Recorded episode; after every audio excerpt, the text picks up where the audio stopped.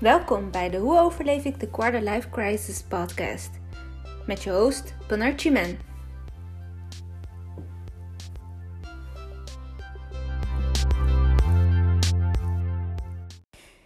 Hallootjes, leuk dat je weer luistert naar mijn party, naar mijn podcast. Dit is de vierde aflevering alweer en ik heb uh, super leuke reacties ontvangen op de vorige aflevering. Um, deze aflevering ging over verwachtingen en het effect daarvan op je gemoedstoestand. Als je hem nog niet hebt beluisterd, ga hem sowieso na deze aflevering even beluisteren.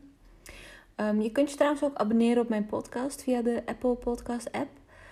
Uh, dat zou ik echt super erg waarderen als je dit doet.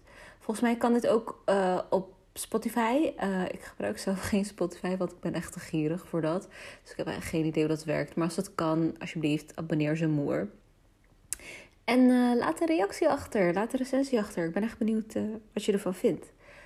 Um, ja, iemand vroeg me trouwens laatst of ik ooit um, langs een psycholoog ben geweest. Um, well, I did. ik ben ooit bij een uh, PO geweest. Dat is een praktijkondersteuner. dit is dan gewoon bij de huisarts. het is wel gewoon een psycholoog. gewoon afgestudeerd aan alles. Um, maar het is dus wel iets anders dan dat je zeg maar naar de psycholoog gaat of zo, blijkbaar. Um, het is een beetje mental coach-achtig, maar je krijgt ook wel gewoon goed advies en het kan je heel erg helpen. Ik ben iets van drie keer geweest um, om over mijn ja, feelings en klachten en zo te praten. Dat was een half jaar geleden of zo. Maar ik voelde het niet zo. Vooral, ja, ik had het gevoel dat ik een last was. Ik heb heel gauw dat wanneer ik zeg maar hulp vraag of klaag bij iemand of um, ja, praat over uh, mijn problemen, dat ik me heel snel een last voel uh, voor diegene. Een soort van, ach, komt ze weer met haar problems, wat een zeikert, weet je wel. En daarom ben ik vaak terughoudend over ja, mijn eigen feelings tegenover anderen. Ik praat wel, ik deel wel um, dingen, maar ik durf niet dieper verder in te gaan en probeer het vaak zelf op te lossen. Ik wil gewoon niet lastig zijn en niet vervelend zijn. En ik wil, ja, ik wil gewoon een good time zijn voor anderen. En ik wil gewoon dat ik altijd leuk ben. En ja, niet dat ik weer kom met problems. En dat ze weer denken van, geen zin. Want volgens mij heb ik gewoon een soort van angst dat mensen me dan niet leuk vinden. En ja, ook al is die PO er eigenlijk voor mij om tegen te klagen, om gewoon letterlijk, letterlijk mijn klachten te delen, um, had ik toch ook bij haar zo'n gevoel van, ja, nee. En ja, bleef ik toch nog wel oppervlakkig en niet diep in, op, um, ingaan op mijn ja, klachten. En ze gaf me zeg maar opdrachten over mindfulness. En ik moest collages maken en zo. En toen dacht ik, ach, laat maar, ik heb er echt geen zin in. Ik ga het gewoon zelf oplossen via Google. Ik google het gewoon, ik google alles. maar ja, misschien had ik me gewoon wat meer open moeten stellen. En het was wel fijn om um, tegen een onbekende mijn feelings te uiten. Maar ja, ik voelde dus wel gauw een last. En ik was al uitgekeken. Ik dacht, ach, laat maar, ik ga dit gewoon zelf doen. En ik kon gewoon niet meer verder. Heel stom. Ik had het kunnen, beter kunnen um, gebruiken en benutten, maar ik weet niet. Ik ben gewoon raar. Hebben anderen ook last van dit? Ik ben echt benieuwd. Ben ik de enige? Ben ik raar? Of is het normaal? Let me know. Sorry dat ik trouwens zo lang op mezelf heb laten wachten. Het heeft echt drie weken geduurd. Maar ik heb het echt heel druk gehad de afgelopen periode. Um, ik kon gewoon geen keuze maken over waar mijn prioriteiten nou lagen. Werk, sporten, familie, vrienden, huishouden, piano spelen of podcast voorbereiden. Ik kwam er gewoon echt niet uit. Het was gewoon. Nee, ik had gewoon echt geen tijd voor dingen. En het was ook gewoon heerlijk weer. Dus ik dacht van. Fuck it, ik ga gewoon chillen. Dat moet ook gebeuren. En ja, prioriteiten stellen vind ik soms um, ja, best wel lastig. En ik ben heel goed in het maken van een planning. Ik kan echt elk minuutje in mijn leven blokken. En ervoor zorgen dat, dat, dat elk minuutje dus nuttig wordt besteed. En ik heb het gevoel dat ik constant productief moet zijn. En constant iets moet leveren en bijdragen op een dag. Dat ik gewoon echt concreet iets heb gedaan van kijk, I did it. Maar soms na zo'n week van alleen maar plannen en, en produceren voel ik me echt kapot. Ben ik gewoon moe en het is ook gewoon niet vol te houden. Dus ik moet eigenlijk mini goaltjes gewoon elke dag opstellen voor mezelf. Um, maar ja, in ieder geval vandaag gaan we dus verder op de oorzaken.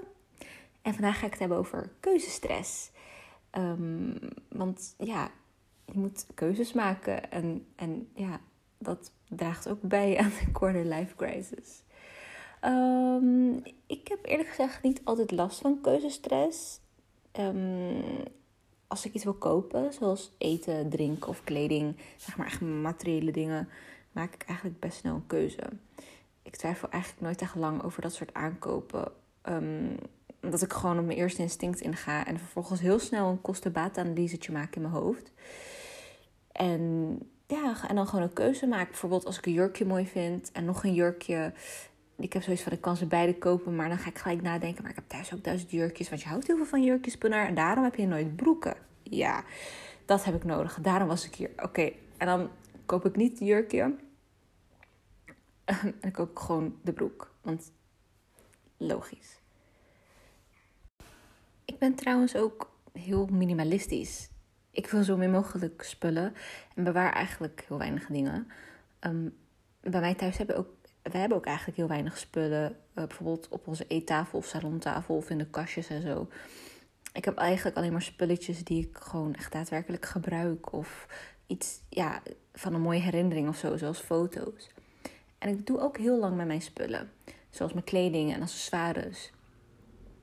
Pas als ik ze ja, niet meer pas of als ze kapot zijn, uh, ja, dan doe ik ze weg of ik doneer ze of ik verkoop ze. En ik, ik ben niet materialistisch in de zin van dat ik materiële dingen belangrijk vind en steeds meer spullen wil en mooier en duurder wil. Maar wel materialistisch in de zin van dat ik zuinig omga met mijn spullen en zodat ze lang meegaan. Ik heb dus meer keuzestress in de zin van ik wil alles doen wat ik leuk vind. Ik wil een podcast, ik wil sporten, ik wil carrière, ik wil meer leren, ik wil piano spelen, ik wil buiten bewegen, ik wil fit zijn, ik wil een leuk sociaal leven, ik wil reizen. Heb ik dat al gezegd? Volgens mij wel. ik wil investeren, ik wil mijn huis verbouwen, et cetera. Ik wil gewoon eigenlijk al deze balletjes hoog houden. En dat geeft best wel veel stress, want je, je kunt niet alles doen omdat je gelimiteerde middelen hebt tegenwoordig is er meer beschikbaar dan voorheen. Je ziet meer, je bent meer verbonden en alles gaat ook sneller. Ehm, vooral door technische technologische ontwikkelingen zoals internet. Um, vroeger hadden we volgens mij helemaal niet zoveel keuze, want je zag het niet en je kende het niet. Toen ik klein was, keek ik altijd in, in het Intertoys tijdschriftje om te kijken naar welke speelgoed ik wilde. En nu hoef je niet meer op dat boekje te wachten. Want ja, je googelt gewoon speelgoed. En je kan letterlijk overal de leukste speelgoed kopen. Oh ja, ik heb trouwens laatst AliExpress ontdekt als een van de laatste mensen op de wereld. En ik was altijd tegen AliExpress in verband met milieuredenen, duurzaamheidsdingen, lage loon, bla bla bla. Mm, lage loonarbeid. Maar mijn hypocriete ass heeft toch even gekeken naar spulletjes voor een feestje. En oh my god, ik heb gewoon voor 30 euro alles gekocht wat ik nodig had. Gewoon letterlijk alles. Gewoon honderden ballonnen en versieringen. En gewoon voor het leukste feestje ever. En ik was echt sceptisch over bijvoorbeeld bezorging. Want ik dacht van, ja, dit gaat echt niet komen. Maar het kwam echt snel. Het kwam echt snel. Echt binnen twee, drie weken. Dat is snel. Helemaal uit China. En ja, nu haat ik mezelf dat ik elke dag weer kijk op de site. En, steeds gekkere dingen ontdek voor echt hele goedkope prijsjes. En, maar gelukkig ben ik gierig en minimalistisch. En, en, en koop ik niks. Want anders had ik echt te veel rotzooi gekocht. En ik haat mezelf hierdoor. Dus AUB geen commentaar hierover. Maar um, ja, dus vroeger had je eigenlijk minder keuze. Omdat het waarschijnlijk niet zichtbaar was. En daarbij speelt ze ook mee dat je gewoon geen genoeg middelen had als kind om speelgoed te kopen. Je hebt bijvoorbeeld helemaal geen geld voor dure Barbies of knuffels of Pokémon kaarten. Dat waren trouwens echt mijn speelgoedkeuzes. Vooral knuffels, love them. Want je had maar gewoon 50 cent of zo in je zak. En je had ook niet altijd zeg maar, gelegenheid om zelfstandig naar zo'n winkel te gaan. Dat mag niet. Je moest altijd gewoon, het moest net uitkomen dat je met je moeder in de stad bent. En toevallig langs de Bar Smit loopt. En dat je gewoon jankt van, alsjeblieft mag ik naar binnen. En dat ze je dan vijf minuutjes laat kijken. En, en dat je dan misschien één ding krijgt. Dus je hebt geen tijd, geen gelegenheid, geen geld. En ja, je moet gewoon geluk hebben dat je moeder je gunt. Ehm, oh ja, en waar ik dus ook laatst aan dacht, was dat vroeger um, was alles gewoon voor jou, bijvoorbeeld met speelgoed, was het gewoon voorgesorteerd voor jou, wat jij zou, zou moeten kiezen als kind, zeg maar. Ehm, ik keek bijvoorbeeld als meisje nooit naar Knacks en Lego, omdat er altijd zeg maar een jongetje op de foto stond of zo van jongensafdeling was.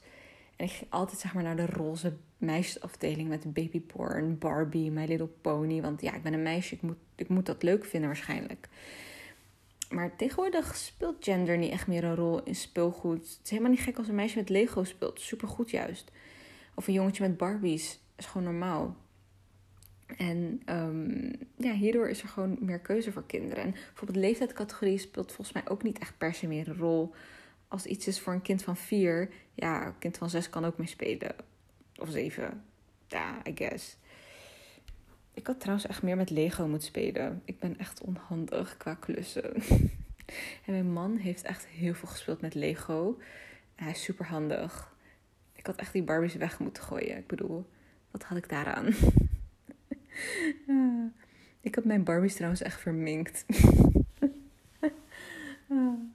maar goed, dat is een ander verhaal. Ehm, maar dus ja, limited money betekent dus keuzestress.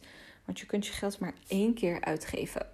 Als het uitgegeven is, kan je het niet meer voor iets anders uitgeven. Dit heet opportunity costs. Dus iets wat ik heb onthouden van economie. Eén ding wat ik heb onthouden. Opportunity cost is, um, betekent de potentiële benefits die je misloopt wanneer je investeert in een alternatief. Dus um, als je 5 euro hebt, alleen maar 5 euro, kan je een broodje kopen. Maar je kunt die 5 euro niet gebruiken voor een dure Starbucks koffie. Dus je loopt de benefits van zo'n lekkere Starbucks koffie mis. Omdat je um, een broodje koopt van die 5 euro. Dus ja, je mist dan die benefits van een lekker bakkie. Um, maar je hebt wel een broodje. Dus ja, dat is het ene ding wat ik heb onthouden van economie. En het klinkt heel logisch. Maar ik haat de economie echt heel erg. I hated it. Hated it. Ik ben meer een geschiedenis kind of person. Loved it. Wat was jouw lievelingsvak? Let me know. Maar um, ja, dus keuzestress um, ontstaat wanneer je dus weinig middelen hebt, maar ook wanneer je veel middelen hebt. Dus veel geld. Als je meer geld hebt uit te geven, um, heb je ook meerdere dingen waar je het aan kunt uitgeven. Dus je bent echt op een heel ander soort level waarop je je bevindt. Als je gewoon modaal verdient, um, weet je al van oké, die Gucci-tas ga ik toch nooit kopen. Laat me gewoon even checken op Zara.com. Maar als je wel al dat geld hebt, kan je ook misschien een Louis Vuitton-tas kopen. Of je spaart um, en je koopt een dure auto, een Rolex of een ander high-class dingetje. En dan heb je dus ook keuzestress, want je kunt ook shoppen in het minder dure segment en in het dure segment. Dus je zit zeg maar op beide economische levels. een gebrek aan tijd leidt tot keuzestress, maar te veel tijd ook. Je hebt meer tijd om na te denken. Oké, dat is handig. Je kunt dan afwegen, je kunt een kosten-baat-analyse maken. En dan je keuze maken. dan denk je van oké, ik heb er heel goed over nagedacht. Ik maak een keuze. Maar als je weer te lang nadenkt, dan ga je twijfelen. Dan ga je steeds meer denken aan meerdere factoren. En dan kom je er op een gegeven moment helemaal niet meer uit. Um, voor ons onderwerp gaat het niet alleen per se om het kopen van spullen, maar ook om het kiezen van ja, belangrijke levensdingetjes, fases. Zoals bijvoorbeeld um, je studiekeuze. Er zijn heel veel studies die je kunt kiezen. En een opleiding duurt vaak ook drie of vier jaar. Je hebt beperkte tijd. Um, en, en een uh, opleiding kost heel veel geld. En er zijn regels en wetten die ook die tijd beperken. Want je moet bijvoorbeeld binnen zoveel jaar je diploma hebben, anders krijg je je studieschuld of zo niet vergoed. Of ik weet niet meer, het is lang geleden. en ja, weet je, het is, alles is ook heel interessant en uitdagend. En altijd klinkt heel leuk als je bijvoorbeeld naar een open dag gaat. En, en, en ja, je kunt gewoon niet kiezen. En een studiekeuze heeft ook invloed op je toekomstige carrière. Daar, dus je moet ook daar al aan denken als je een studiekeuze maakt. Want wat je wil worden, heeft natuurlijk te maken met wat voor soort studie je kiest. Je kunt niet de dokter worden als je politicologie studeert. Dat slaat nergens op. En een partnerkeuze is ook, leidt ook tot keuzestress. Dit is niet per se verbonden aan schaarse middelen of zo. Nou ja, als je een golddigger bent. of je bent op zoek naar een golddigger. Mm. Maar meer schaars in de zin van... Ja, zijn er wel genoeg vraagstellen mensen? En ga ik die ook ontmoeten op een of andere manier? En gaat er dan ook iets ontstaan uit ons? Ja, die kans is wel klein. Of je hebt iemand gevonden en dan denk je van... Mm, ja, is dezegene het wel voor mij? Uh, en dan zie je iemand anders denk je, ja, die is ook wel leuk. En dan ga je zo twijfelen van, zal ik blijven? Zal ik met diegene gaan? En dan denk je van, kan ik niet iemand beter krijgen? Zoiets, iemand mooier, knapper, jonger, rijker, succesvoller. Zo keuzestress. en daarnaast kunnen ook andere mensen invloed hebben op je keuzes. Um, ik ben wel van mening dat, dat het goed is om te praten met iemand over je dilemma's. Dat doe ik heel vaak. Uh, vooral omdat diegene ook ja, zijn of haar perspectief kan geven van het probleem. Maar aan de andere kant kan diegene ook jouw keuze ook erg beïnvloeden. Of zelfs sturen of bepalen wat je gaat kiezen. En ouders doen dit heel vaak. Omdat ze toch wel vaak biased zijn over wat je moet doen met je leven. Dus zeg maar bevooroordeeld.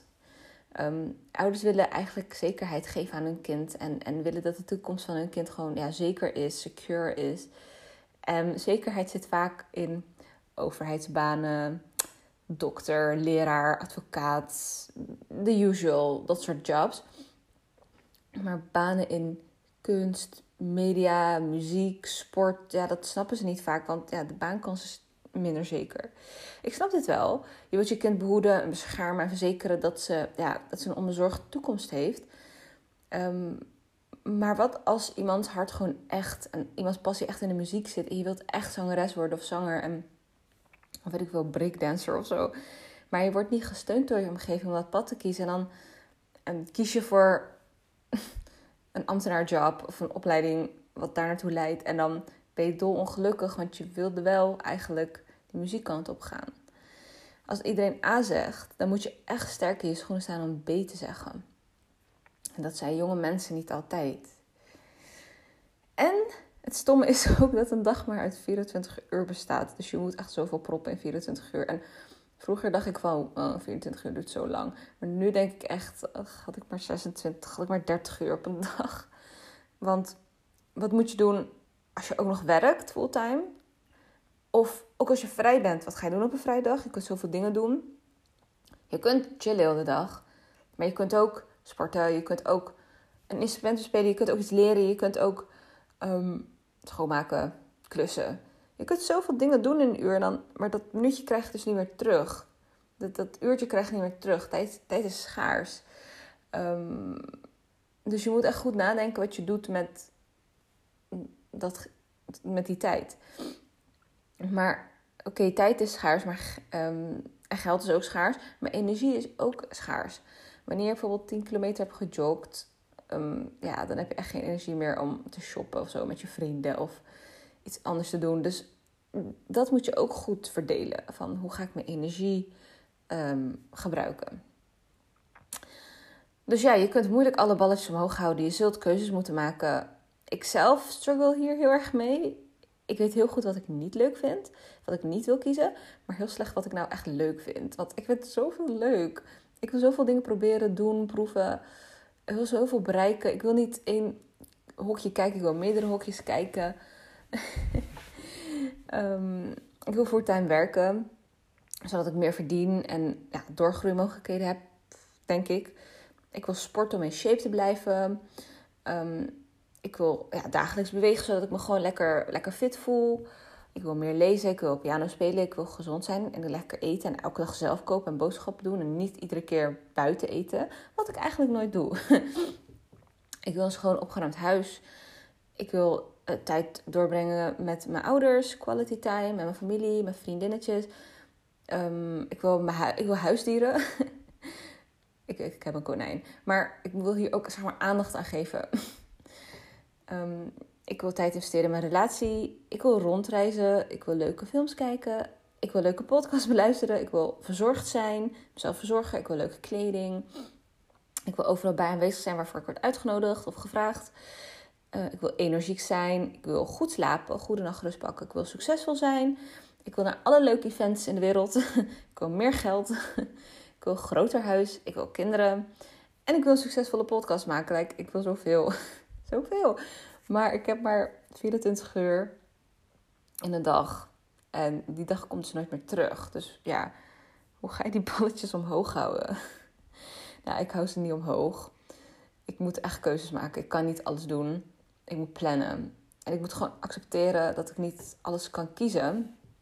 En niet alles kan doen. Maar op een of andere manier voelt het heel oneerlijk. Want het lijkt tegenwoordig alsof alles mogelijk is. Alsof alles maakbaar is als je kijkt naar social media en naar anderen. Dus dan denk ik van, maar hoezo heb ik daar gewoon geen tijd voor? dus ja, hoe, hoe kan ik die keuzestress het beste aanpakken? Kijk, eigenlijk is de conclusie heel zwart-wit. Je hebt geen keuzestress als je geen geld hebt. Of alle geld hebt in de wereld. Dus stel je hebt geen geld. Helemaal niks. Je hebt nothing ja, dan neem je alles aan wat je wil. Je gaat dan niet zeuren van... Nee, ik wil, uh, ik wil geen broodje kaas. Ik wil broodje pasta. Nee, het is crisis. Noodzaak. You gotta survive. Je hebt honger. Alleen het lot, het toeval of het lot, ik weet niet... bepalen gewoon alles voor jou. Dus je hoeft niet te kiezen. Je krijgt het gewoon. Het is niet ideaal. Heel miserable. Niet fijn. Nee.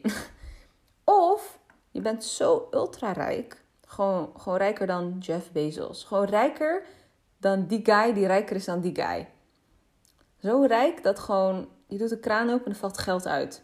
Gewoon je wc-papier is, zijn 500 euro biljetjes. Gewoon, maakt niet uit. Gewoon, zeg maar, Pablo Escobar level geld verstopt in je muren en in je tuin begraven. Zeg maar, dat ratten je geld eten. Zo onboeiend is het. Dus je kunt letterlijk alles kopen. je kunt gewoon de wereld kopen bij wijze van.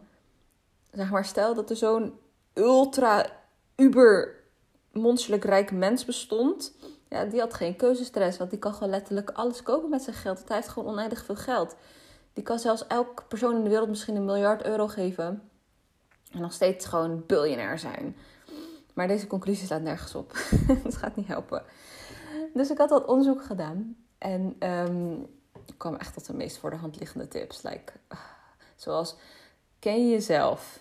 Waar wil je voor gaan? Ja, kijk, als ik wist wat ik, als ik dat wist, had ik geen keuzestress toch? Dan kende ik mezelf. Oké, ik wil dit. Nee, die wil, ik weet het niet, dus ik skip die. Of deze, werk aan je zelfvertrouwen. Oké, ik snap dat als je onzeker bent, dat je dan meer twijfelt. Maar dat lost het dus ook niet direct op. Want hoe werk ik aan mijn zelfvertrouwen? Maar toen zag ik wel een aantal interessante tips. Zoals, um, laat je niet te veel leiden door andermans meningen. Kijk, dit kan ik wel begrijpen. Net als wat ik dus eerst had besproken. Sommige mensen kunnen je keuzes beïnvloeden. Ehm, vooral bewust. Of je meer laten twijfelen. Maar aan de andere kant kan het ook heel handig zijn om andermans perspectief te zien over hoe zij kijken naar jouw dilemma's. En ik denk dat het ook heel handig is om ehm, advies te vragen aan een specialist of iemand met ervaring uh, met betrekking tot jouw dilemma. Je kunt er wel van uitgaan dat diegene ja, op een professionele manier kan uitleggen aan jou welke keuze het beste voor jou is. Een half jaar geleden had ik twee baanaanbiedingen gekregen. En ik vond ze allebei heel leuk. En ik kon echt niet kiezen. ik heb echt heel lang getwijfeld. en ik heb iedereen om me heen om advies gevraagd. En iedereen zei wat anders. En toen dacht ik van nee, ik ga gewoon aan mensen vragen die hier kennis van hebben. Zoals collega's of mensen die ik ken die bij een gemeente werken. En die bijvoorbeeld ongeveer hetzelfde werk doen wat ik interessant vind en bijvoorbeeld die richting op wil. Um, en zij gaven me allemaal gewoon heel mooi geanalyseerd en logisch antwoord op wat ik volgens hen zou moeten kiezen. En, en En, en toen heb ik uiteindelijk ook die baan gekozen. Nog steeds denk ik wel eens af en toe van what if als ik die andere job had genomen. Maar dat gebeurt dus echt alleen maar als ik echt irritante taakjes moet doen waar ik gewoon geen zin in heb. of als de motivatie laag is. Maar dat ga je dus sowieso altijd hebben in het dagelijks werk. Dat zou ik ook hebben bij die andere job. En dan ga ik weer twijfelen, oh, was ik maar daar. Geen ene baan is 100% leuk. Zelfs acteur zijn, wat voor mij echt lijkt me een superleuke job, heeft zijn zware en moeilijke en demotiverende momenten hoor. Dus um, voor nu is de keuze die ik heb gemaakt goed. En ik moet gewoon doorgaan en kijken wat er verder op mijn pad komt. En een andere tip, wat ik heel waardevol vond, was dat je niet te lang moet wachten met het maken van de keuze. Maak sneller de beslissing. Want hoe langer je over iets nadenkt, hoe meer je gaat twijfelen. En ja, oké, je kunt dan toch een foute keuze maken omdat je niet lang genoeg hebt nagedacht. Maar je bent tenminste wel tot een keuze gekomen. Je hebt je hebt een stap gezet. En um, ja, actie nemen zorgt ervoor dat je dan weer verder komt en verder groeit. En, en, en weer daaruit verder een keuze kunt maken en, en daaruit kunt bloeien.